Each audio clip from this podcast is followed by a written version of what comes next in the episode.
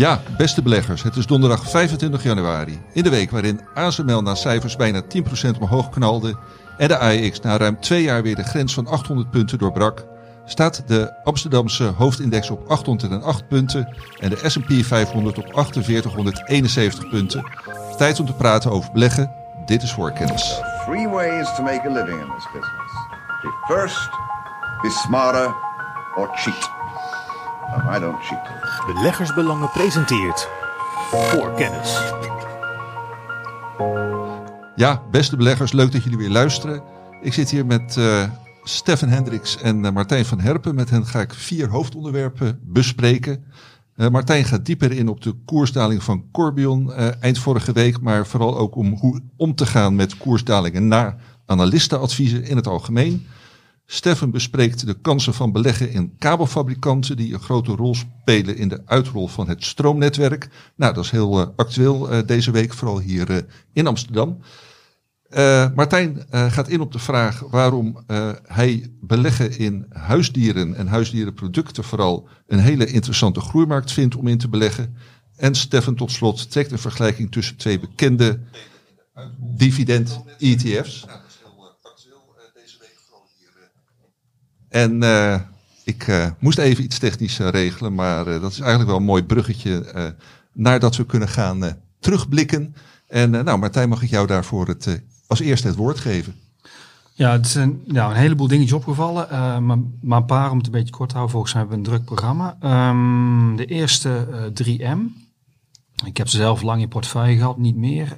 Um, deze week is er 12% van de koers af. En um, het ja, het aandeel lag er al heel slecht bij.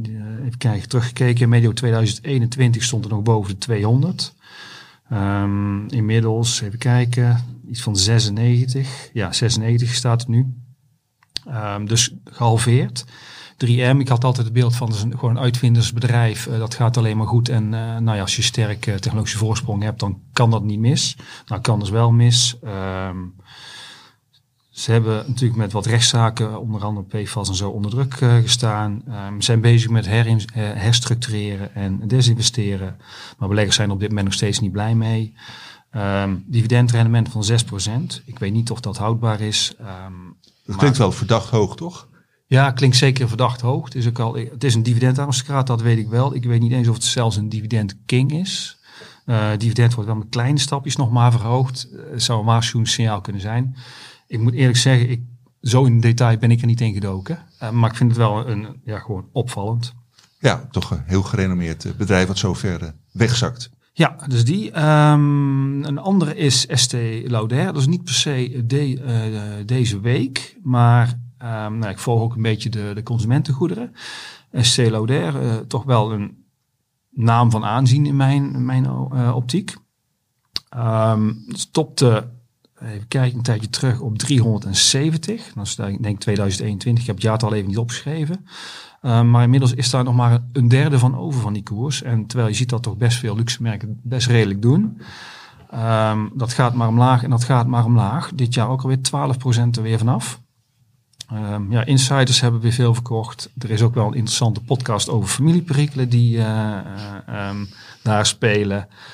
op dit oh, moment... Specifiek over dit bedrijf? Ja, ik heb hem nog niet goed bekeken. Uh, nee, maar we kunnen wel in de show notes zetten de, de link, uh, denk ik. Want dat uh, klinkt wel interessant voor de mensen die dit aandeel Ik noteer volgen. hem erbij. Ja. Um, nou ja, wat, wat, wat daar aan de hand is ook tegen van de verkopen in China. Wachten tot het daar weer beter gaat. Um, nou ja, en op een gegeven moment komt toch de vraag van... Ja, als er nog maar een derde van, van, de, top af, van de top over is... wanneer stap je in? Um, dus die viel me heel erg op. Um, dan een aandeeltje, een klein aandeeltje, de laatste keer dat we het over hebben. Marel. Uh, IJslandse kippenslag, kippenslachtmachine Onder Fabrikant. Ja, ja, dat is wel heel, heel beknopt samenvatting. Ja. Ik houd gewoon op voedingsmiddelenverpakking. Uh, en, en, ja. heel wat anders. maar goed, uh, derde bod. Um, het zat er wel een beetje aan te komen. Hè. De, de kwestie van onderhandelen uh, gaat nu definitief van de beurs verdwijnen door, door John Bean Technologies. John Bean Technologies, de koers. Ik zat ook wel een beetje kijken van wordt dat een mooie tip. maar die veerde ook 6% op toen het een definitieve bod geaccepteerd werd. Dus dat viel er ook nog wel eentje, viel ook nog wel op. En tenslotte natuurlijk, maar daar komen we zo op, uh, Corbion vond ik ook wel een, uh, toch wel een opvallende beweging. Ja, maar daar komen we inderdaad komen we zo straks op. op. Ja. Ja. Stefan, wat uh, viel jou afgelopen week het meeste op? Ja, want inderdaad, zoals je al zegt, enorm veel cijfers. Dat begint nu helemaal los te barsten. Hè. Dus uh, jij noemde al ASML en Netflix was natuurlijk ook redelijk uh, spectaculair. Maar goed, dat kan iedereen bij ons op de website lezen wat we daarvan vinden. ik wil op een aantal andere cijferpublicaties nog even terugblikken. Te beginnen met een um, bedrijf dat ooit in de hoog dividendportefeuille zat, Bas F. Uh, die uh, afgelopen vrijdag een, um, uh, vast een vooruitblik op de cijfers die, denk ik, 23 februari gepubliceerd gaan worden. De volledige jaarcijfers. En waarom kom ik terug op Bas? Dat was al vorig jaar, heb ik hier al vaker in de podcast gezegd, een van mijn hoofdpijndossiers in de hoogdividend portefeuille. Ik vreesde een beetje dat Bas eigenlijk niet in staat zou zijn om de dividendbetalingen, die is ongeveer 3,1 miljard, uh, te voldoen uit de free cashflow die het bedrijf daarvoor moet genereren. Basf betaalt 3,40 euro per aandeel. Um, nou, dat was vorig jaar al echt uh, hangen en wurgen, maar in het vierde kwartaal uh, bereikt Basf een gigantische cashflow, zodat over het hele jaar 2022 de free cashflow uiteindelijk op 3,3 miljard uitkwam. En nou, gelukkig dividend ontvangen uh, in mei. Uh, twee weken later heb ik uh, afscheid genomen van BASF en vervangen door een min of meer branchegenoot, zullen we maar zeggen, Liondel Basel. In koerstermen heb ik daar in ieder geval geen spijt van. Maar ik volg BASF natuurlijk nog wel, want het is een, een aandeel met een heel erg hoog dividendrendement. en nu kwamen dus weer die voorlopige jaarcijfers. En nu moet je wel weer, denk ik, ik ben blij in ieder geval dat ik van dit hoofdpijndossier af ben, want nu is het wel weer hangen en wurgen, eigenlijk nog meer dan vorig jaar. Want ja, Bas F zit nu op een free cashflow van 2,7 miljard waarschijnlijk over 2022. Ja, dat is dus niet voldoende om de volledige dividendbetaling mee te dekken. Nou, heeft Bas F al een paar keer in het uh, recente verleden gezegd, ja, dat dividend willen we echt handhaven. Dus dat zal ook wel gebeuren, denk ik, dit jaar. Dan zal de schuld wel ietsje verder oplopen. Maar ik ben in ieder geval blij dat ik, um, dat ik daarvan af ben en dat ik Leon Del Basel heb. En dat gaat voorlopig goed in de hoogdividendportefeuille. Um, maar goed, dus was niet allemaal uh, um, juichen voor de hoogdividendportefeuille. Want um, gisteren, woensdag, kwam Kimberly Clark met de jaarcijfers. En die waren kennelijk niet heel erg uh, inspirerend. De omzet groeide ook maar met een uh, procentje. Voor komend jaar is het ook een, een omzetgroei van 2 tot 5 procent. Dus is het allemaal niet, je wordt er niet heel erg blij van. Koers ook min 5,5 procent gisteren. Maar ietsje belangrijker voor mij is dat um, op dezelfde dag ook een ander persbericht werd gepubliceerd. En dat ging over het dividend. Dat uh, Kimberly Clark gaat uitkeren. Dat stijgt gewoon met uh, ruim 3% naar uh, 1,22 zeg ik uit mijn hoofd. Per kwartaal, per aandeel. Dus nou ja, dat is dan wel mooi. Maar Kimberly Clark qua koersontwikkeling, ik word er niet heel erg blij van. Blijer werd ik wel over, en dat was ik lange tijd niet trouwens, van IBM. Ja. Uh, ook gisteren na beurs met cijfers. En na beurs uh, een procent of acht hoger. Ik wist bijna niet wat ik zag toen ik gisteren net even na tien uh, checkte ik even de app. Ik denk verdraaid. de cijfers zijn goed gevallen. en dat kan ik me ook wel iets bij voorstellen. Als ik het weer even als dividendbelegger bekijk. Want dat was voor mij toch de belangrijkste reden om was even uiteraard in de hoogdividendportefeuille te nemen. Is dat, um, sorry IBM. Is dat IBM een, een free cashflow verdiende afgelopen jaar van 11,2 miljard dollar. En dat is ruim voldoende om het dividend van ruim 6 miljard dollar uit te keren. En heugelijk was ook dat voor het lopende jaar uh, IBM uitgaat van een free cashflow van 12 miljard, waarmee het dividend wederom gedekt is. Het is geen harde dividendgroeier, meestal gaat het met een centje omhoog. En dat zal misschien nu ook wel weer zijn, dat krijgen we in maart te horen. maar in ieder geval houdbaar, dat dividend. En daarmee ook een redelijk aantrekkelijk dividendrendement van IBM. En dan tot slot, een bedrijf dat niet met cijfers kwam. Ja, dat was misschien binnenkort wel de bedoeling, maar dat gaan ze even uitstellen. Dat is Archer Daniels Midland, ADM. en dat bedrijf is voornamelijk bekend als, als, als handelaar, zal ik maar zeggen, in um, landbouwproducten. En dat um, publiceerde een persbericht, was volgens mij ook afgelopen zondag. Um, het persbericht had een redelijk onschuldige titel, namelijk dat er een, een, een nieuwe CFO kwam. Meneer Ismail Roik is zijn naam. En ik, nou, is een redelijk onschuldig persbericht. Maar als je het verder ging lezen, werd duidelijk waarom die interim CFO kwam. Omdat ADM namelijk de um, andere CFO eh, even tijdelijk had eh, eh, eh, geschorst, non-actief gesteld. Of in ieder geval, eh, ehm, hij, hij doet even niet meer mee. Eh, waarom? Nou, de SEC had een eh, aantal documenten bij ADM opgevraagd. Ja, bedoelt de Amerikaanse toezichthouder. Toezichthouder, ja, heel goed dat je er even bij zegt, Johan. Uh, daarop ging Archer Midland zelf ook maar eens even wat onderzoek doen. En toen kwam men bepaalde boekhoudkundige, ja, je, we kunnen het nog geen malversaties noemen, maar in ieder geval bepaalde boekhoudkundige kwesties tegen die vragen oproepen. Uh, in de kleinste en nieuwste divisie eigenlijk. En dat is de uh, divisie waarin Archer Midland zelf uh, bepaalde producten maakt. proteïne en zeg maar wat, wat, wat meer. ook smaakstoffen en kleurstoffen. en daar zijn bepaalde zaken aan de hand. Alleen is nog steeds niet helemaal duidelijk wat. Um, ADM bevestigde wel, of in ieder geval gaf een winst per aandeel prognose voor um, 2023. Maar de datum van die kwartaalcijferpublicatie is nog steeds niet bekend. Ja, en dat roept natuurlijk wel vragen op bij beleggers. En dan is het, uh, zoals dat altijd gaat natuurlijk, eerst schieten en dan vragen. Dus die koers ging op één dag min 24 procent. Dat is ook echt ongekend. En is sinds die tijd ook maar een heel klein beetje hersteld. Dus we staan nog altijd uh, 21 procent onder de slotkoers van afgelopen vrijdag. Ja, dat is natuurlijk heel erg opvallend. Ja, Oké, uh, dankjewel uh, Stefan. Wat ik net nog uh, vergeten was te zeggen naar de kijkers en van onze live chat en de luisteraars die dit, deze podcast laten horen. Het is sinds vorige week mogelijk om live vragen te stellen via YouTube, waar we de podcast live streamen. we hebben ook overigens al wat vragen van tevoren binnengekregen. Um, ja, opmerking daarbij is, uh, ik, uh, ik heb hier alle vragen die binnenkomen op mijn uh, scherm. Het zijn er nog niet zoveel, maar ik krijg ze binnen.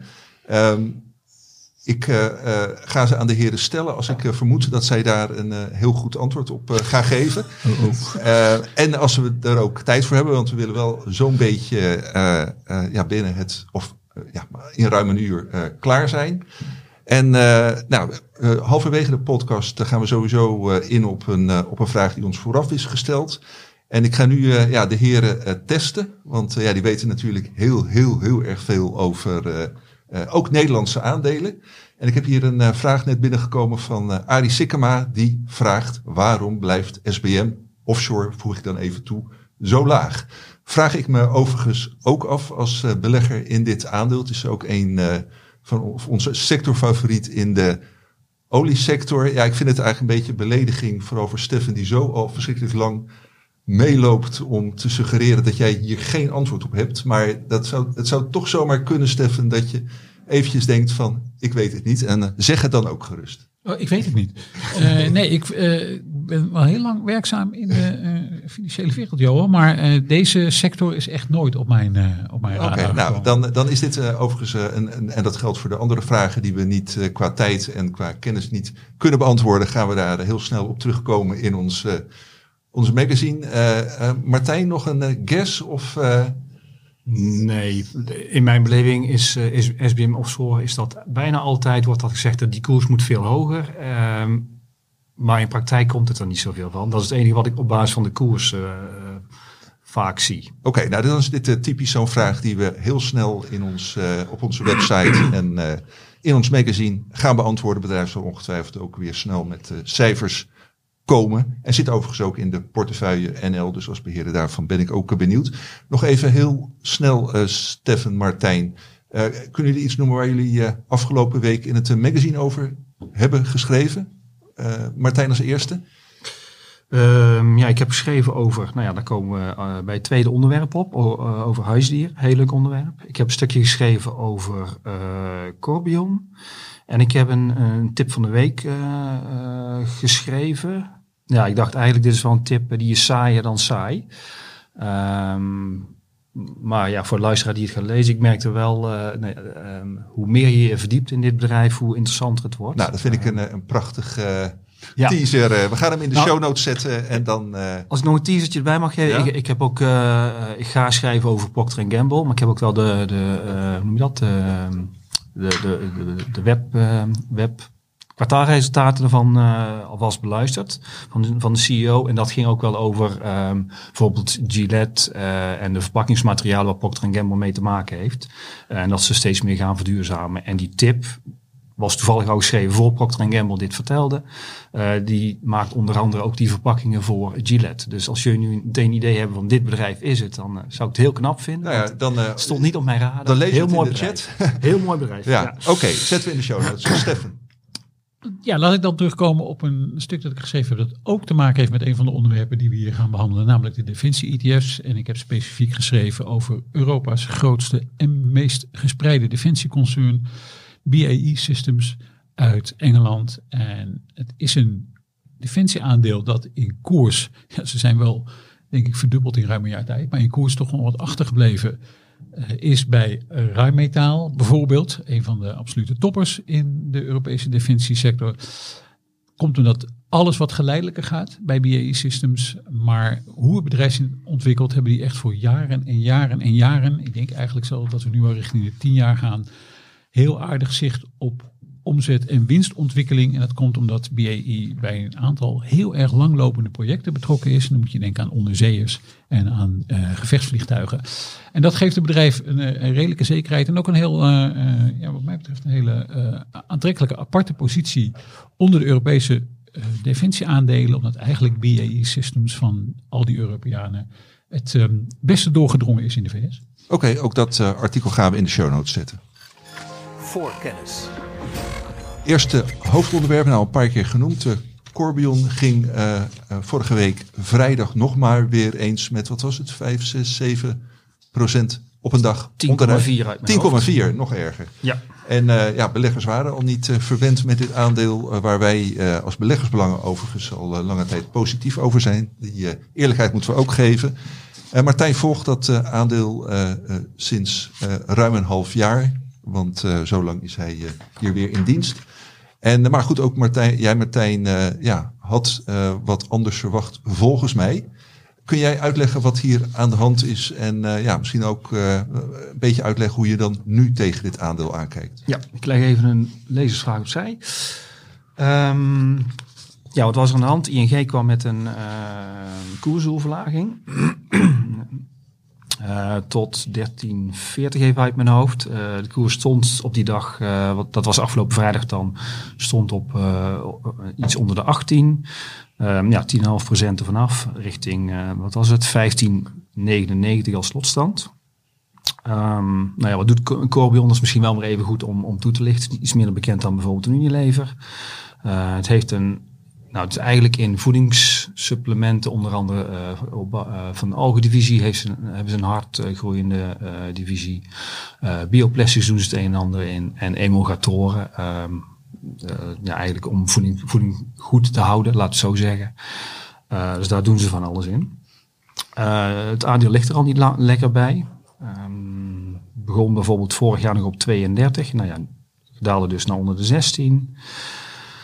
En even kijken, dan is de vraag van oké, wat, wat, um, hoe gaan we daar naar kijken? Um, eigenlijk is het ook, nou zo'n mailtje komt dan binnen, dat geeft een beetje een ongemakkelijk gevoel. Ik merkte ook Johan meteen uh, op vrijdag, en komt er een mailtje bij mij in de, in de, mailbox van wil je hier nog eens naar kijken? Nou, tegen ruststelling van Johan, ik had er al naar gekeken. Um, maar goed, dat is ook wel een beetje het ongemakkelijke gevoel natuurlijk, als, ook als privébelegger. Uh, dat je denkt van, hé, hey, bij een koers die 10% omhoog gaat, denk je, oh, goed gedaan. En mijn koers die naar beneden gaat, dan denk je, oh jee, heb ik iets gemist? Wat is er aan de hand? Uh, een stukje emotie. Uh, heb ik verkeerd gekeken? Heb ik hier ook? Wat weet die ander? Wat ik niet weet, is ook zoiets dat je dan denkt, allemaal emoties um, doen de ronde. En dan is even de vraag van, eerste basisvraag van, hoe ga je hiermee om? En tweede kom ik dan even terug op, wat moeten we nu met Corbion?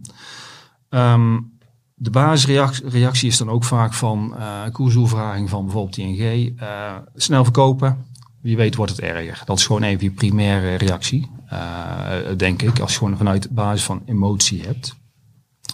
het zal misschien ook zelfs een opluchting geven, want ja, je hebt de knoop doorgehakt. soms is dat verstandig en soms is dat niet verstandig.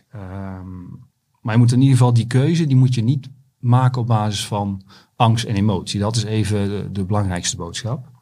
Nou, wat is dan wel een aanleiding om vast te houden of om te verkopen? En dat is volgens mij, als je zo'n anali- analistadvies ook krijgt, ehm, van is er nou een fundamenteel argument, anders dan je oorspronkelijke basisscenario, wat er verandert? Ehm, dus niet op basis van een koersdoel of iets dergelijks. Ehm, en daarmee zeg ik eigenlijk ook, als je op het moment van een analistadvies denkt van, oh jee, paniek, wat is er aan de hand? Ik weet niet wat ik moet doen. Nou, heel cru gezegd, dan heb je je huiswerk eigenlijk niet op orde. Want je zou van tevoren moeten weten, het maakt mij niet uit wat die koers doet als ik niks bijzonders hoor. Ik weet gewoon, dit is de het basisscenario eh, voor dit bedrijf. Dit is de realistische waardering. Dus, nou ja, afhankelijk van de prijswijziging zou ik moeten kopen of verkopen. Ehm, even kijken. oh ja, ik heb hier ook nog staan, een koersdaling, die kan dan dus ook een kans betekenen. Ja, kan het aandeel extra koopwaardig maken? Ja, Ja. kan. Dus afhankelijk. En dat is even algemeen, even los van dit, eh, los van ING-advies nu. Misschien ook zelfs van beleggersbelangen. Hè. Wij doen heel erg ons best, maar, maar vorm ook wel je eigen mening daarbij. Ik gebruik zeker ook de input van beleggersbelangen.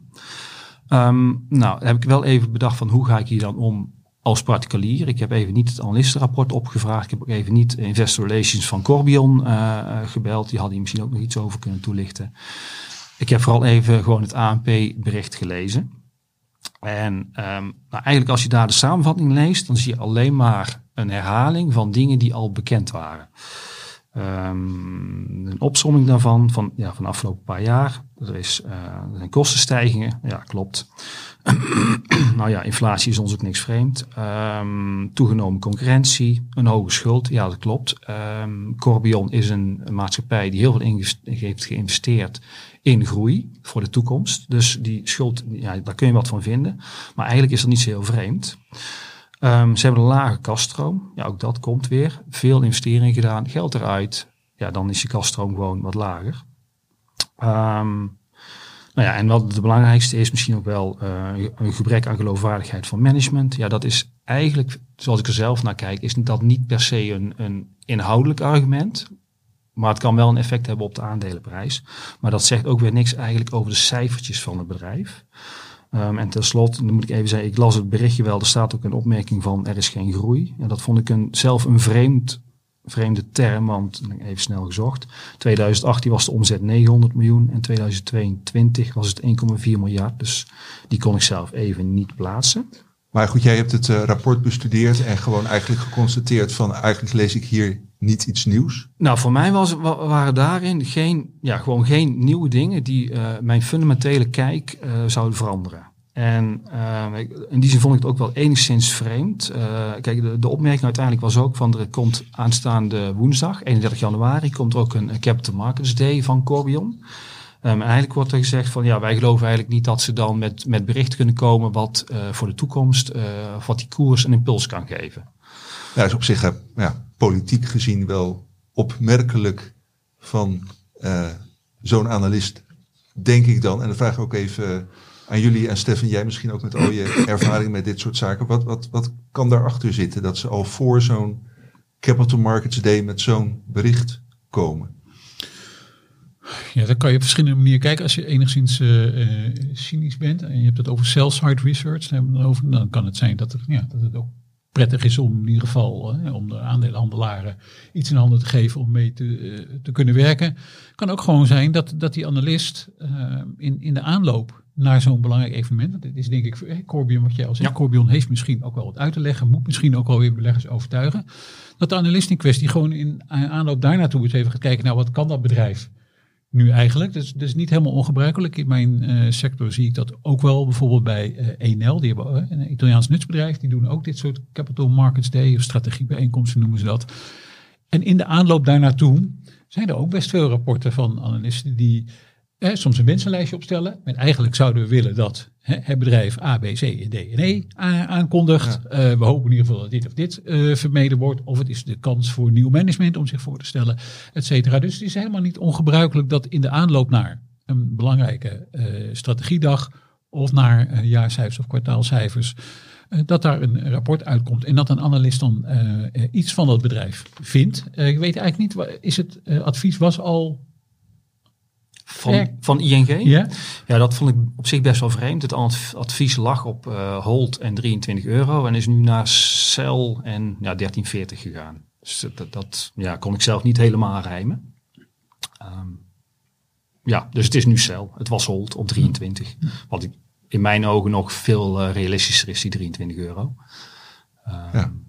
La- laten we het laatste, of het artikel wat je hierover hebt geschreven, Martijn, in de show notes zetten. Maar Mag, je- mag ik nog een beetje op inhaken? Ja, verder, ja. verder? Want ik had ook even, eh, want dat is, wel- dat is wel belangrijk om te noemen. Ehm, want er wordt ook wel verwezen naar een, eh, weet dat, een, een brief die eind, of medio december, 14 december even uit mijn hoofd, is gekomen van eh, Inclusive Capital Partners. Eh, dat is een investeringsmaatschappij dat eh 10% van de aandelen van Corbion heeft. Ehm, ja, omwille van tijd kunnen wij hier niet helemaal doorheen lopen. Eh, maar de link had ik al doorgestuurd ook voor de show notes. Daarin wordt ook een hele casus gebouwd van ja, ruim vijf pagina's over wat zij verwachten eigenlijk dat de realistische waardering is van Corbion.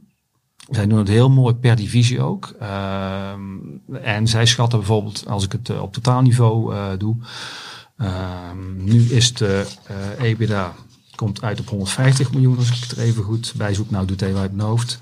Zij verwacht even met een paar investeringen. Nou, veel investeringen zijn al gedaan dat in 2025 die EBITDA naar 250 miljoen moet. Ik heb zelf in mijn hoofd altijd van, nou, ik koop zeker wel bij, nou, koopwaardig is 6, een EBITDA van eh 6 keer de EBITDA. Eh, dan zit ik al vrij snel van, nou, dat is heel koopwaardig. Betekent ook, als het nu eh zes maal die 250 miljoen doe, zou het bedrijf, nou, even snel gezegd, anderhalf miljard waard zijn. Eh, de huidige beurswaardering ligt nou ja, op of zelfs iets onder de miljard. Dus dan zou je in 2025 al uitkomen op ja, 50% rendement en meer richting die waarde van, nou ja, noem het even richting de 25 euro. Die inclusive Capital Partners gaat zelf uit van een waardering van 29 euro per aandeel. Nou ja, ik kan me indenken, met zijn allemaal losse onderdelen, dat je daar nog een soort van conglomerate discount op doet. Ehm, maar ik denk ook wat ik in het begin zei van, doe je, als je zegt van wat, wat is de waardering en doe je huiswerk. Als je, nou, eh, nogmaals lees dat rapportje anders eventjes. Dan heb je gewoon echt een basis die zegt van die waarde van dit bedrijf zou gewoon rond de 25 tot 30 euro moeten liggen. Ongeacht het advies van, in dit geval ING, als je geen nieuwe argumenten hebt, is het gewoon eh, op de plank leggen en wacht tot die waardering, eh, waardering eruit komt. Ehm, nou ja, en daarmee blijven wij dus gewoon bij, eh, bij een koopadvies. Oké, nou, mooie afsluiting, eh, Martijn. Gaan we naar het volgende hoofdonderwerp. Voorkennis. Ja, ik eh, ja, maakte net misschien eh, een beetje een flauw grapje al naar gelang uw eh, gevoel voor humor. Dat het stroomnetwerk deze week veelal in het nieuws was. Zeker hier in Amsterdam, maar ook in, in Utrecht, waar ik, waar ik zelf woon. Maar dat is, vermoed ik, niet de aanleiding waarom Stefan dit onderwerp heeft aangedragen. Nou, hij, hij, nou hij, hij maakt een hoofdbeweging, maar weet ik ook weer niet wat, hij, wat ik daaruit moet opmaken. Stefan, leg gewoon uit waarom jij dit onderwerp graag wil bespreken. Ja, ik zie dat we nog echt moeten werken aan onze gebarentaal, Johan. Nee, dan doen we het maar gewoon weer met woorden. Eh, nee, het is inderdaad niet de aanleiding Nee. voor dit onderwerp. Maar er vielen wel een aantal dingen in ieder geval in Nederland ook samen. Want het is ook eh, de week waarin bekend werd dat er een, eh, een lening van 25 miljard naar Tennet gaat. Hè. En dat is de beheerder van ons hoogspanningsnetwerk in Nederland. En ook een van de vier Duitse eh hoogspanningsnetwerkbeheerders. En ehm, ja, Tennet heeft een beetje geld nodig te put it mildly, eh, 25 eh, miljard, omdat eigenlijk eh, die Duitse activiteiten verkocht moeten worden. En in de tussentijd moet er nog wel geïnvesteerd worden. Dus het kabinet wil Tennet eh, helpen om die periode te overbruggen, om maar even zo te zeggen. Ja, en dan valt het allemaal natuurlijk een beetje samen met wat er in, eh, ook in Amsterdam gebeurde. Dan heb je alles een beetje bij elkaar. Want er was ook nog, en ehm, daar is denk ik ook wat een en ander over te doen geweest, een eh, brief van minister Jetten. En volgens mij heet het ministerie tegenwoordig Energie en Klimaat, geloof ik, als, uit mijn hoofd. Dat ging in ieder geval over de overbelasting van ons laagspanningsnetwerk. en daar kwamen volgens mij allerlei krantenberichten dat eh, de overheid misschien wil eh, meekijken wanneer jij eh, wasmachine aanzet of je computer of je televisie of wat dan ook. Maar in ieder geval hè, op overbelasting van dat laagspanningsnetwerk tegen te gaan. Nou, al die, die vraagstukken over dat energienetwerk, die kwamen eigenlijk samen in een ehm, eh, artikel wat volgende week, zeg ik, uit mijn hoofd, toch? Verschijnt. Ja. Eh, heb ik een analyse gemaakt van de Europese nutsector en dan eh, specifiek van de netwerkbeheerders. En ehm, dat is op zich een, een beetje een onderbelicht deel van eh, die hele nutsdiscussie. Want er is natuurlijk heel veel aandacht voor duurzame stroomproducenten. Nou, afgelopen jaar ehm, hebben we natuurlijk heel veel gehoord van Ørsted, hè, de Deense eh, windenergieparkbeheerder. Eh, waar het niet zo heel erg goed mee ging. Er is ook ehm, eh, eh, vaak veel aandacht voor die eh, zogeheten geïntegreerde nutsbedrijven als de Enels en de Iberdrola's van deze wereld. Dus dat zijn nutsbedrijven die niet alleen zelf stroom opwekken, maar dat vervolgens ook nog eens een keer door een netwerk leiden en dan aan hun eindklanten verkopen. Daarom noem je dat geïntegreerd. Ze doen alles bij elkaar. Maar je hebt ook nog een aantal specifieke netwerkbeheerders.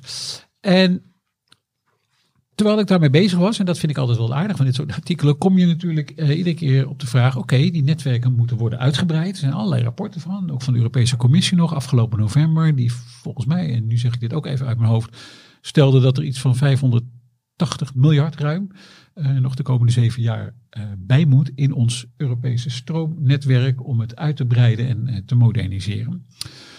En dan stel je, ja, althans, ik stel me in ieder geval de vraag, ja, wie maakt dat dan eigenlijk? Dus het is één ding dat je het beheert, als bijvoorbeeld een Terna eh, of een Elia in, in België.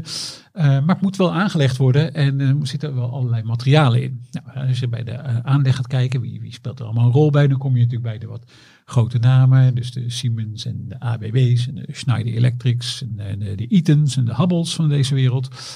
Ehm, maar als je dan nog een stap verder gaat, dan, eh, ja, wat is een, wat is een, een stroomnetwerk? Ja, is natuurlijk kabels die ergens mee verbonden zijn. En toen dacht ik, nou, nog een stapje verder.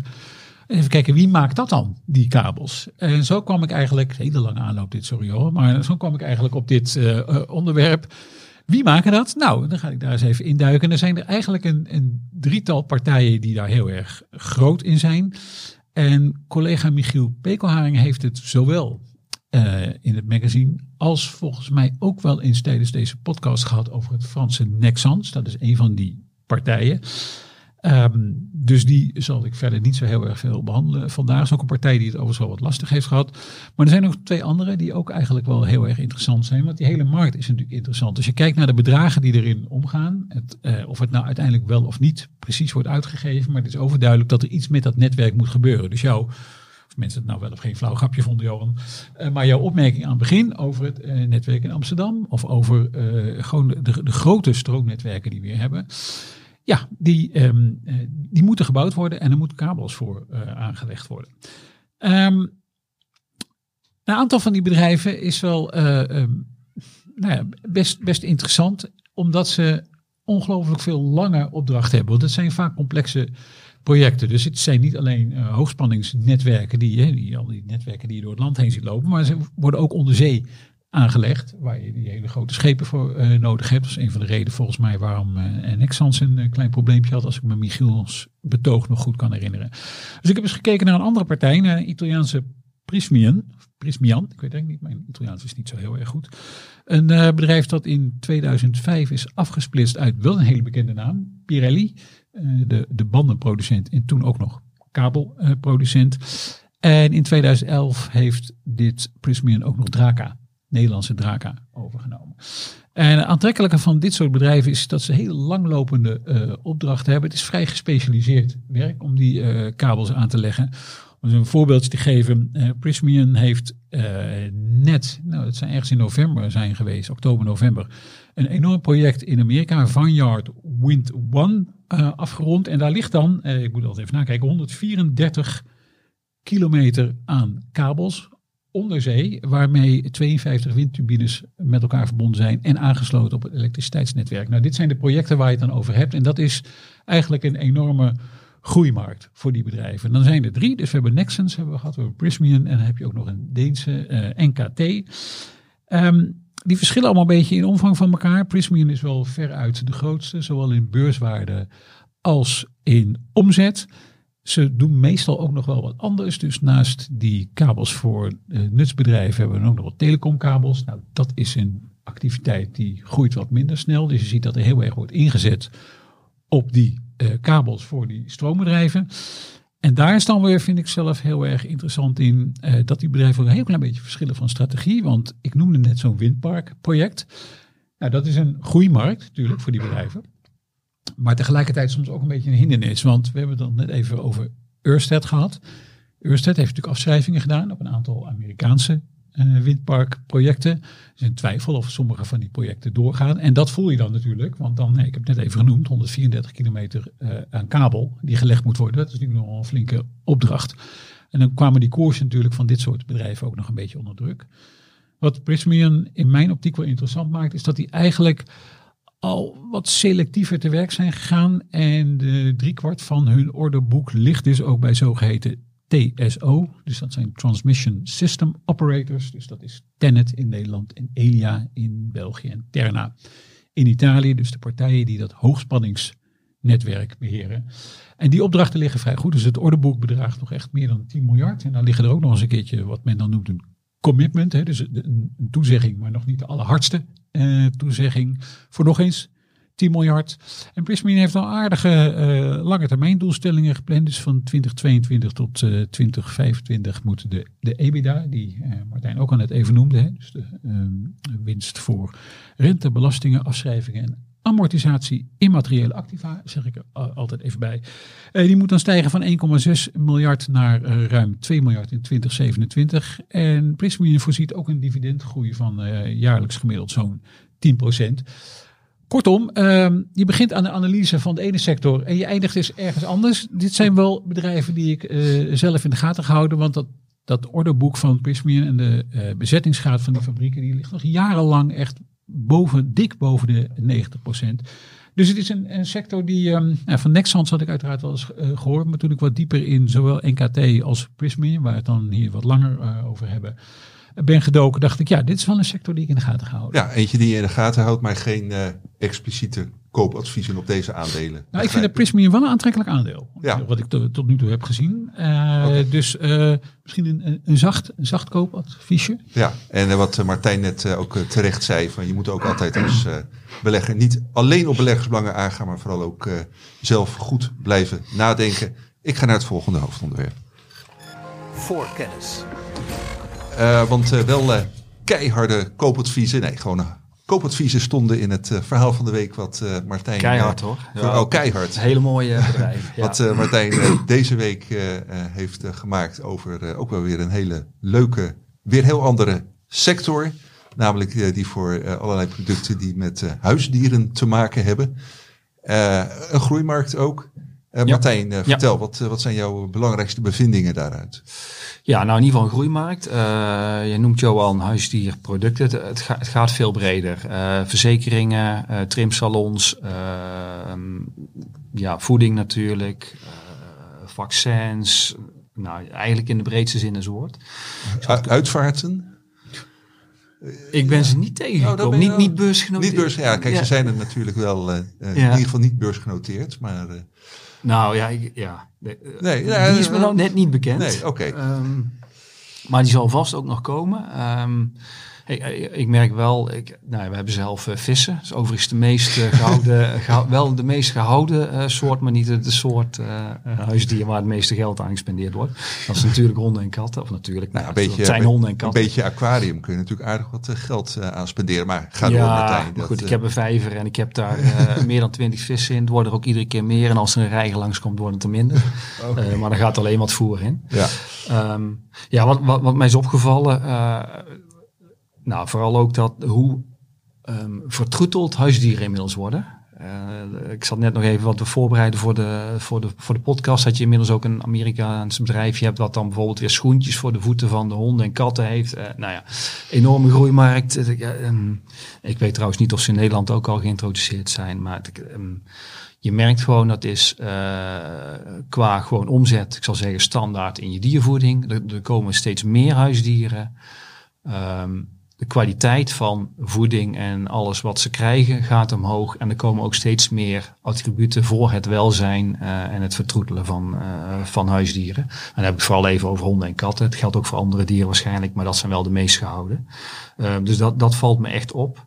Um, en dat is ook mede wel waarom dit een enorme ja, interessante markt is. Um, Nou ja, één leuk dingetje wel. Ik, eh, op het moment dat je denkt van eh, hoe, hoe kom ik daaraan? Als je naar de tickersymbolen kijkt. Nou, nou ja, ik, ik heb er een paar bij. eh Woef, Pose was dat pootje. Pets, Rover, nou Chewy van het kouwen. Je, ziet eigenlijk al gewoon naar een aantal ticker symbolen. Bark, hè, het Engelse blaffen. Nou ja, je schiet eigenlijk ja, je schiet haast in de lach als je gewoon... eh, maar daar zitten serieuze, mooie bedrijven achter. Dus ik- ja, het is wel een hele leuke, leuke branche om je in te verdiepen. Ehm, go- eh, gewoon al daarin. Het geeft ook een goed gevoel. hè. Volgens mij krijgen we daar, krijgen we daar ook nog wapenindustrie. Dat is een... eh, ja, Zeker, nou ja, maar, maar ook met een interessante tikker erop gestart. Oké, nou ja, goed. Boom, eh, denk ik. Of, eh, Geen boek. geen boom, oké. Ja, nou, Ook geen pad. ehm, Maar waarom is het zo'n interessant Ja, eh, markt, waarom is eh? het zo interessant? Nou, ik heb eh, natuurlijk ook een aantal bedrijven bekeken. Eén, het, eh, ik heb ook, nou, daar nog even bij een bedrijfje, maar ik heb ook, eh, nou, bijvoorbeeld eh, een grafiekje meegenomen. Ja, dat is in de podcast wat lastiger zichtbaar. Bijvoorbeeld van, van de Canadese eh, dieren, eh, eh, in de huisdierenindustrie. Dat is een grafiekje ehm, nou, van een van die tips eh, of, of van die verkoopadviezen. Sinds 1994 hebben zij een grafiekje. En dan kijk je naar die grafiek, ehm, ook naar de recessies. Die recessies zijn gewoon niet terug te vinden in die grafiek. Eh 2001 ging de omzet eh, een totaal niveau weer omhoog. 2008, 2009 ging gewoon omhoog. Ehm, en de laatste jaren natuurlijk met corona, eh, nou ja, daar, dat, daar heeft ehm, de huisdierenbranche helemaal nog een extra boost gekregen. Dus in die zin is het gewoon een enorme eh, stabiele groeimarkt. Eh, ehm, nou, die van die Canadese markt tussen, tussen 1994 en 2014 eh geannua- geannualiseerd 6% en eh nou, de laatste jaren zelfs 9%. En is wel verwacht dat het doorzet. Dat is dan over de hele huisdierenindustrie. Ik heb ook nog een, grafiekje gevonden zo voor eh, alleen de, de, het voedsel. Eh 2010 was dat nou, in dit geval in, even kijken, dit is de wereldwijd, een schatting van 60 miljard. En inmiddels zitten we in 2023, is dat meer dan 134 miljard. Dat gaat maar omhoog en dat gaat maar omhoog. Ehm, nou ja, en dat is wel een van de dingen. Als je kunt, eh, is het heel interessant om in een goede sector te zitten.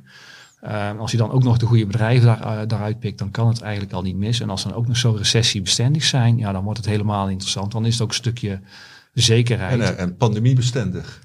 Ja, ook dat. Ja, Ja, ja, ja, ja. En, en je hoeft ook niet, kijk bij bijvoorbeeld de Corbion, denk je, oh jee, het is wat, misschien wat moeilijker voorspelbaar, wat complexer. Eh, veel aandelen in de huisdierensector die zijn helemaal niet zo complex. Dus je weet eigenlijk gewoon wat je krijgt, eh, voorspelbaar. En ze groeien gewoon, en, en omzet en winst. Dus dat vind ik zelf gewoon ja, enorm prettig. Ehm, dat is een van de dingetjes. Nou, natuurlijk een artikel over geschreven. ehm, lees het vooral. Ehm, in aanvulling daarop, waarom ik het ook een interessant eh, iets vind. er zijn volgens mij heel veel over, overnamekandidaten in deze markt. Waarom denk ik dat? Ehm, kijk je naar de grootste bedrijven in de wereld op gebied van diervoeding, dan zijn dat Mars, dan is dat Nestlé en dan is dat General Mills. Ehm, en dan denk je van, nou, dat, daar denk je niet eh, in eerste instantie aan, maar het zijn gewoon van bijvoorbeeld Mars, eh, dus Petcare, eh, de omzet 19 miljard. Goed, dat bedrijf is natuurlijk veel groter, een schatting van omzet van 50 miljard. Kijk je ook naar Nestlé, dat heeft het onderdeel Purina. Dat doet eh 16,4 miljard, even grove schatting, ehm, aan omzet en diervoeding. En heeft als totaal 100 miljard. Ehm, nou, dan heb ik zelf gekeken naar de, veel eh, ehm, in, in een ETF die er is naar de eh, bedrijven die daarin zitten. En een van de grotere bedrijven die daar relatief in zit, wat een pure speler is op het gebied van diervoeding, doet minder dan een miljard eh, eh, in omzet. Dus dat zijn voor dit soort grote bedrijven, zijn dat gewoon, eh, ja, een beetje woordspeling, hapklare brokjes. om, ze, om gewoon een keer op te slokken. Ah, dit, is, dit is wel echt een goede grap, eh Martijn. Ja, dat, eh, die voor mij was, op het, eh, was echt heel, best wel flauw, maar dit is echt, dit is echt leuk. Ja, Ja. ja. nou vooruit. Ehm, maar goed, ik- dan denk je, dit is, dit is mijn aanname. Ehm, maar kijken we ook gewoon even puur naar wat doen bedrijven. General Mills heeft voor 8 miljard even een bedrijf overgenomen. Dat is een paar jaar geleden. Blue Buffalo. Dus om ook echt in die diervoeding te komen. Eh, afgelopen november hebben zij weer Ferrapets overgenomen. Dat is eh, nou ja, eigenlijk voedingssupplementen. Dat zegt ook wel weer van eh, upgraden. Nou, mensen gaan steeds meer doen in voedingssupplementen. Nou ja, dan gaan we dat ook doen voor huisdieren. Dus ook daarin zit weer een kans. Ook weer om te, om te groeien. Dus ook daar weer in weer een overname.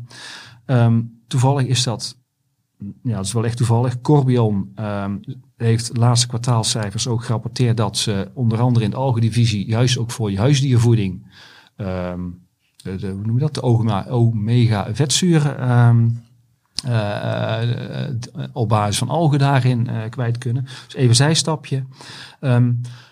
Maar ja, het zijn gewoon relatief klein. Naast even al die stabiele groei, zijn het gewoon hele makkelijke overnamekandidaten voor die grote voedingsconcerns. die of daar al groot in zijn, of die denken van ja, onze markt voor ehm, menselijke consumptie is wel redelijk verzadigd. Wat is nog kansrijk? Maar ja, als je het voor mensen kunt eh, klaarmaken, dan kun je het ook voor dieren Ja, klaarmaken. ja. Martijn, even omwille van de Ja. tijd ook. Ik weet ook dat jij één eh, van die keiharde tips eh, ging noemen.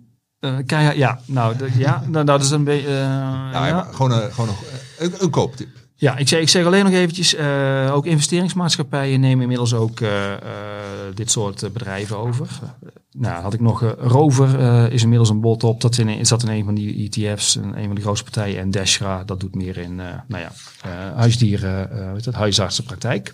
Omwille van de tijd, ik had een van die tips, Pets at Home. Nou, wat doen zij? Dat is in dit geval een Britse keten.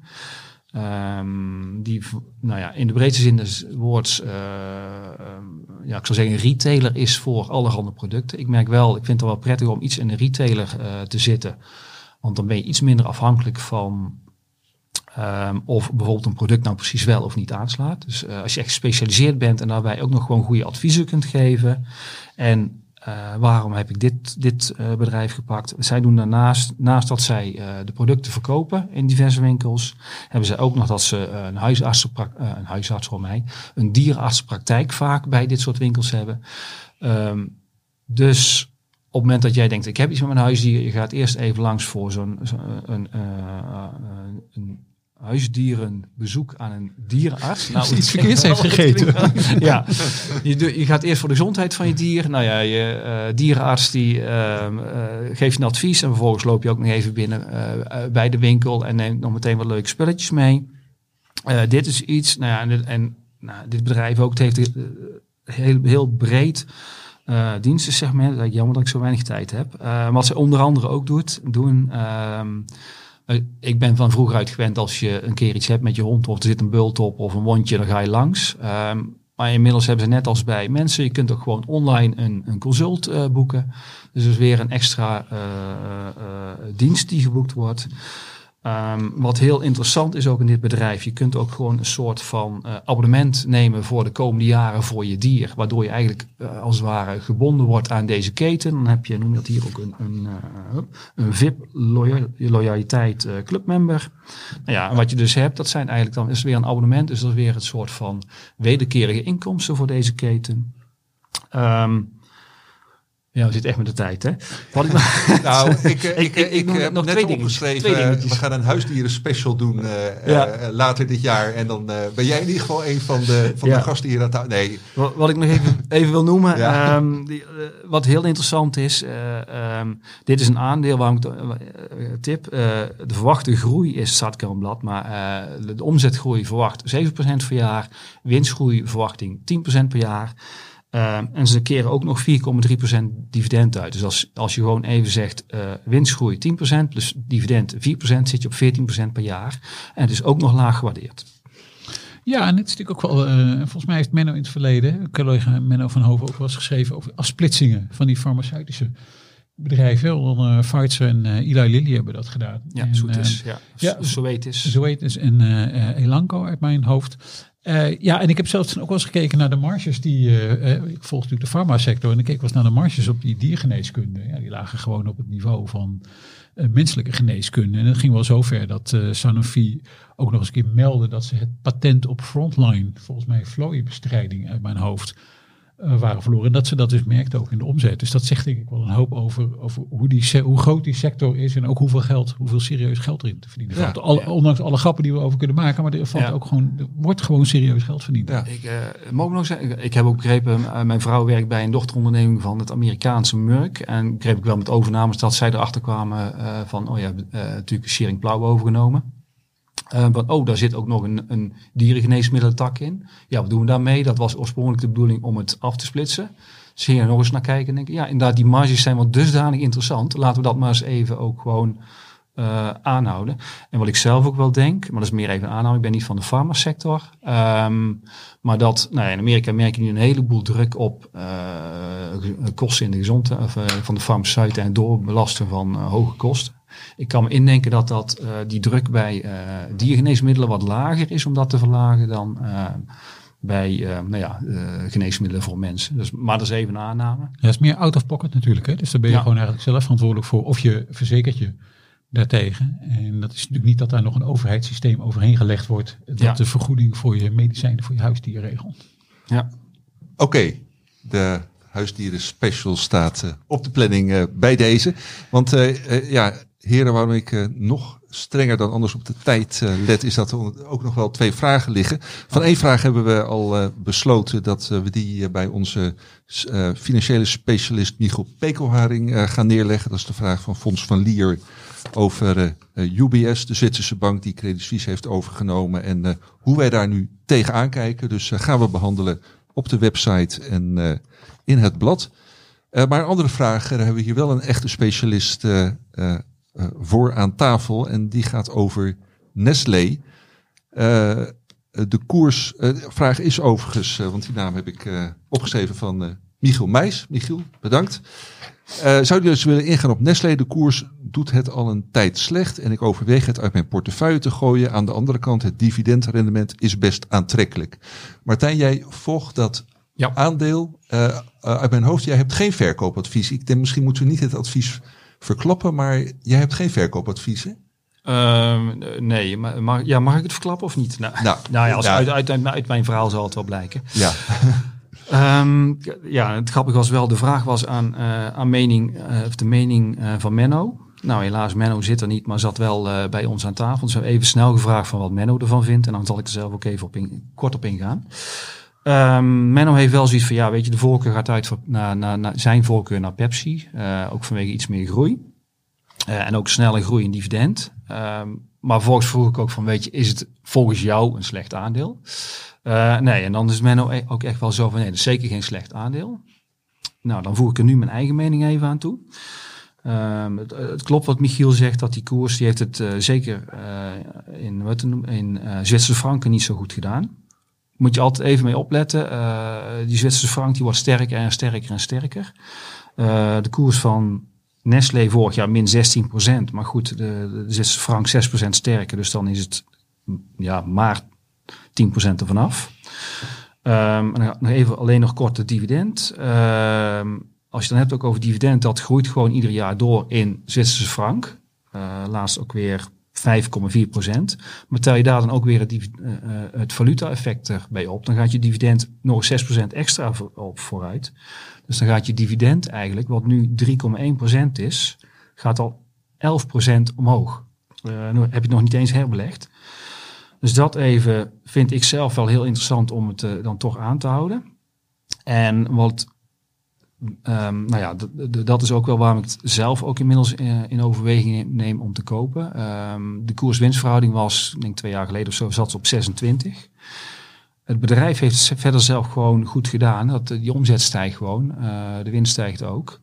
Ehm, kijk, en die waardering die ligt nu op 19 keer de winst, iets meer. Eh, schatting voor 2024 zit nou, nog niet eens op 18 keer de winst. En dat voor een ja, heel breed gespreid defensief concern wat gestaag blijft groeien. Dus ehm, ja, ik, Nou, jij bent Ik- gewoon positief over het aandeel. ik ben zeker Ja. positief over, over het aandeel. Of je nou liever Nestlé hebt of die, liever Pepsi. Ja, dat, dat is een persoonlijke keuze. Maar ik, ja, ik, ik merk zelf dat ik nu voor het eerst sinds lange tijd weer ga overwegen om Nestlé te kopen. Gewoon vanwege lage waardering en stabiele Ja. vooruitzichten. En er zit gewoon weinig risico in, in mijn beleving. Hartstikke goed, eh, Martijn. voor kennis. En dan eh, alweer het laatste hoofdonderwerp. Eh, ja, helaas niet eh, het meest vrolijke, maar wel met een opvallende tickercode. Eh, we kregen op ons forum, waar abonnees toegang toe hebben, vragen over wat zijn nou goede defensie-ETF's. En werd, werd er eentje specifiek genoemd. En die andere had, had Stefan zich al eerder in verdiept. En Stefan die heeft is langs de meetlat gelegd. En hierbij zijn bevindingen. Ja, dat zijn inderdaad eh, twee, waarvan de eerste in eh, maart vorig jaar op de markt kwam. Dat is de Van Eck Defense ETF. Eh, en die heeft een ticker DFNS, als ik me niet vergis. Dan is er in juli ook nog een ander op de markt gekomen. Dat is de Han ETF Future of Defense. En die heeft de ticker NATO. Dus dat is wel een hele in het oog springende ticker. Ja, wat, zijn, eh, wat zit hier nou voor eh, aandelen in en waar zitten nou de verschillen en de overeenkomsten tussen de ETF's? Nou, dus in ieder geval allebei zijn bedrijven opgenomen die minimaal 50% van de omzet moeten halen uit defensieactiviteiten. En dan hebben we het niet alleen over wapenproductie, maar daar valt bijvoorbeeld ook nog eh, cyberveiligheid onder. Nou, in dat opzicht eh, eh, verschillen ze wel, want, en dat is denk ik wel het, het belangrijkste, ehm, een ETF volgt natuurlijk altijd een index. Eh, zo werkt het eh, met een ETF. En de index die eh, Van Eck volgt is een index van Market Factors. En dat is een van hun dochterondernemingen. en die Han ETF die volgt een eh, EQM-index. En EQM maakt weer na een paar overnames onderdeel uit van het bedrijf dat de beurs van Toronto exploiteert. En met zo'n index komt natuurlijk ook allerlei andere voorwaarden. Dus die, ehm, eh, die eh, NATO eh, ETF, ja, dat zijn dus ook echt bedrijven die ehm, eh, nou, hun defensieblootstelling hebben aan NAVO-landen of aan zogeheten eh, eh, NAVO-bondgenoten die niet lid zijn van de NAVO zelf. Dat is dus een expliciete voorwaarde nog. Ehm, als je dan kijkt naar de top 10 holdings, hè, dus de grootste eh, deelneming van die bedrijven, dan, eh, dan zit daar niet heel veel overlap tussen. Dus komen, nee, niet geheel toevallig, er komen straks nog wel op. Twee Franse bedrijven zitten eh, allebei in allebei de ETF's. En dat zijn Safran en Thales. Maar verder zitten er hele grote verschillen tussen. En dat heeft heel erg te maken, die verschillen, met het uitsluitingsbeleid dat gevoerd wordt door beide ETF-aanbieders. Dus de Han-ETF die volgt de regels van de VN en van de OESO. En ehm, de Van Eck ETF, en daar heb ik vorig jaar al eens een keertje uitgebreid aandacht aan besteed. Die eh, hebben ook een, een- eigenlijk een wat actiever uitsluitingsbeleid. Waarbij ze gebruik maken van eh, data en inzichten van ISS, dus Institutional Shareholder Services. Eh, en die geeft allerlei informatie over waar die bedrijven nu precies actief in zijn. En daarin is eh, Van Eck vrij precies. Dus eh Rijnmetaal is niet opgenomen. En daar heb ik toen ook een vraag over gesteld. Correspondentie met hen over gehad. Van ja, hoe zit dat nou? En blijkt dat Rijnmetaal betrokken is bij het leveren van grondstoffen eh, die het mogelijk maken om munitie met verarmd uranium te leveren. En munitie met verarmd uranium, die dringt eigenlijk door meer panzers heen. Dat schadelijker munitie, zou je het kunnen noemen. En daar is die Van Eck ETF nogal streng in. Dus alle bedrijven die eh, te maken hebben met clustermunitie, nou ja, dat zal denk ik niemand verbazen, want dat is volgens mij een thema dat al langer in Nederland speelt. Maar ook bedrijven die eh, actief zijn ergens in die keten waar ehm, eh, witte fosfor bijvoorbeeld ehm, ehm, bij gebruikt wordt. Of wat we al eerder noemden, dat verarmde uranium. Al die bedrijven worden niet opgenomen in de Van Eck ETF. En dan krijg je opeens wel heel grote verschillen. Want wat ik ook vorig jaar al zei over die Van Eck ETF en, en over defensie ETF's in het algemeen. Als je jezelf de vraag zou stellen, nou wat voor bedrijven ga ik daar nou eigenlijk terugvinden? Noem er, nou- eens vijf. Dan zou je denk ik als, eh, misschien is een belegger die dit een beetje volgt, denken, nou er zit BAE Systems in en er zit Rijnmetaal in. Er zit waarschijnlijk eh, General Dyna- Dynamics in, Lockheed Martin, uh, Northrop Grumman. Al die hele grote, eh L3 Harris, al die hele grote bekende eh, defensienamen, die zullen daar dan wel in zitten. Nou, niet dus in de Van Eck ETF vanwege dat hele strikte uitsluitingsbeleid. Dat is weer anders eh, in die eh, ETF van eh, Han. Want daar zitten deze bedrijven allemaal wel in. Sterker nog, Rijnmetaal is met een net geen 5% de één na grootste holding in die ETF. Dus dat is wel iets om te bedenken. Eh zo, geldt trouwens wat mij betreft altijd. Voor iedere ETF die je koopt is het toch uiteindelijk regel 1 is de index bekijken. Wat zijn de regels eh, in die index? Dan weet je ook waar die ETF in belegt. Want de goede ETF volgt gewoon zijn index. Eigenlijk moeilijker dan dat is het niet. Dus dat is hier ook wel van belang. Ehm, dan is denk ik nog wel ook eh, goed om te melden dat dat Han ETF, dat kreeg ik deze week, zag ik eh, dat op hun website, dat ze eh, eh, de NATO ETF gaan fuseren met een andere ETF. Want waarom doe je dat dan? Ja, die andere ETF, een, Procure Space ETF, Ehm, die liep niet zo lekker, denk ik. Er zat ook maar 11 miljoen eh, dollar in, keek ik op de website. Die wordt geliquideerd. Dat geld wordt toegevoegd aan de NATO-ETF, zodat het vermogen daar een beetje toeneemt. En dat mag ook wel, want uh, het vermogen, uh, beheerd vermogen van die NATO-ETF is um, nog geen 42 miljoen dollar. Uh, tegenover ruim 132 miljoen voor de Van Eck ETF. In beide gevallen nog steeds beheerde vermogens die ik zelf nog wat aan de magere kant vind. Ja, dus voor een wereldwijd uh, opererende ETF uh, is dat niet veel. Nee, dat is. Uh, en ik, ik, vind het ook zelf prettig, ook gewoon voor eigenlijk om in te beleggen dat een ETF een wat, wat grotere beheerd vermogen is. Eigenlijk liever 2, 3, 400 miljoen. Dat, is wel prettiger, vind ik zelf in alle opzichten. De kosten liggen ietsje hoger. Dus die zijn 0,55% bij die van, van Eck en 0,49% bij die Han ETF. Nou, voor die zes basispunten verschil, daar zou ik nooit een beslissing op nemen als ik een belegger was. Maar je moet dus heel erg goed gaan kijken wat daarin zit, wat de grote verschillen zijn. Dus in die Han ETF vind je al die grote bekende defensienamen terug. Dat is niet het geval in die van Eck ETF. Nou, dat is een keuze die je kunt maken. Misschien kun je beter leven met het, gewoon het striktere uitsluitingsbeleid wat in die Van Eck ETF zit. En dan is dat gewoon een betere keuze voor je.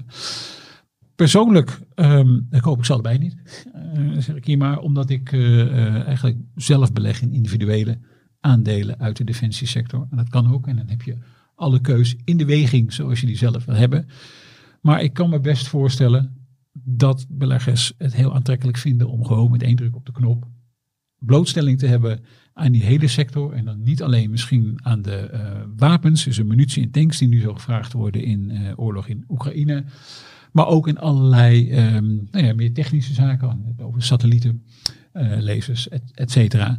en dan heb je um, nou ja, de mogelijkheid om dat te doen met deze beide ETF's. Maar ja, nogmaals, ik, ik zou heel graag zien, en voordat ik het zelf zou overwegen, zou ik ook willen dat het belegd vermogen van beide ETF's wel wat groter is. En dan moet je dus de volgende keuze maken van wat wil ik er nou precies in hebben en met welk beleid kan ik het beste leven. En dat is een keuze die ik persoonlijk natuurlijk niet voor beleggers kan maken. Dat moet iedereen voor zichzelf doen. Ja, helder. En uh, overigens hebben wij uh, bij beleggersbelangen uh, redelijk veel aandacht voor de individuele defensieaandelen die Stefan voor ons volgt en waar we ook koopadviezen op hebben. Maar dat weet u als abonnee. En als u nog niet abonnee bent, dan kunt u daar op een bepaalde manier achter komen. We gaan naar de afronding toe. Even heel kort, Martijn, waar kijk jij aankomende week speciaal naar uit? Behalve naar jouw week vrij die je na woensdag, geloof ik, hebt. hebt. Ja, ik, nou, ik kijk vooral naar, toch even naar, naar Corbion uit. eigenlijk hoop ik gewoon dat daar een beleggersdag komt. Ik denk, nou ja, dit was hem dan ehm, we hoeven er eigenlijk niks over te schrijven, want we weten gewoon dat het uh, 25 euro ja. blijft uh, en uh, waarop we voorlopig richten. Ja, geen nieuws, goed nieuws. Geen nieuws, goed nieuws, ja. ja. Dat in de basis, ja. Helder. Stefan? Ja, de enorme cijferstroom natuurlijk, hè, want het was al op gang gekomen en het, dat gaat alleen maar verder. Dus volgende week hebben we zowel uit mijn hoofd KPN als Thermo Fisher, een van de mooiste bedrijven die ik ken. En het wemelt dan ook volgende week van de farmabedrijven. Dus tussen uh, 30 januari en 2 februari krijgen we Pfizer, Novartis, Sanofi en AbbVie. En dat volg ik met buitengewoon interesse. Niet alleen omdat ik de sector volg en omdat deze aandelen in een aantal daarvan in ieder geval in de hoge dividendportefeuille zit. Maar allemaal ook in mijn eigen portefeuille. Oké, dank jullie wel Martijn en Stefan. bedankt luisteraars, bedankt kijkers. Uh, bedankt de eerste twee uh, vragenstellers uh, ooit live in de, deze chat. Namelijk Arie Sikkema met maar liefst twee vragen. En ook Robert Vroom die een opmerking had gemaakt over het geluid. Maar dat hebben we al snel verbeterd. vind jij ook goed om te horen, Robert. Dus hartstikke goed gedaan. De podcast en YouTube mensen. En de tweede vraag van Arie gaat over Bain Capital. wat wij daarvan vinden. Nou... Arie zal ons niet kwalijk nemen dat we daar niet in een halve minuut een duim voor omhoog of naar beneden doen. Maar we gaan zeker in onze kolommen proberen daar tijd voor vrij te maken. Ik zit hier volgende week, en dat is het 1 februari, met Karel Merks, wel bekend bij de abonnees van Beleggersbelangen. En Loege Schilder, minder bekend, maar wel onze duurzaamheidsspecialist. Heeft u vragen voor een van deze beide heren, eh, mail dat dan naar voorkennis.beleggersbelangen.nl. Ik ga jullie nogmaals eh, allemaal hartelijk danken en tot volgende week.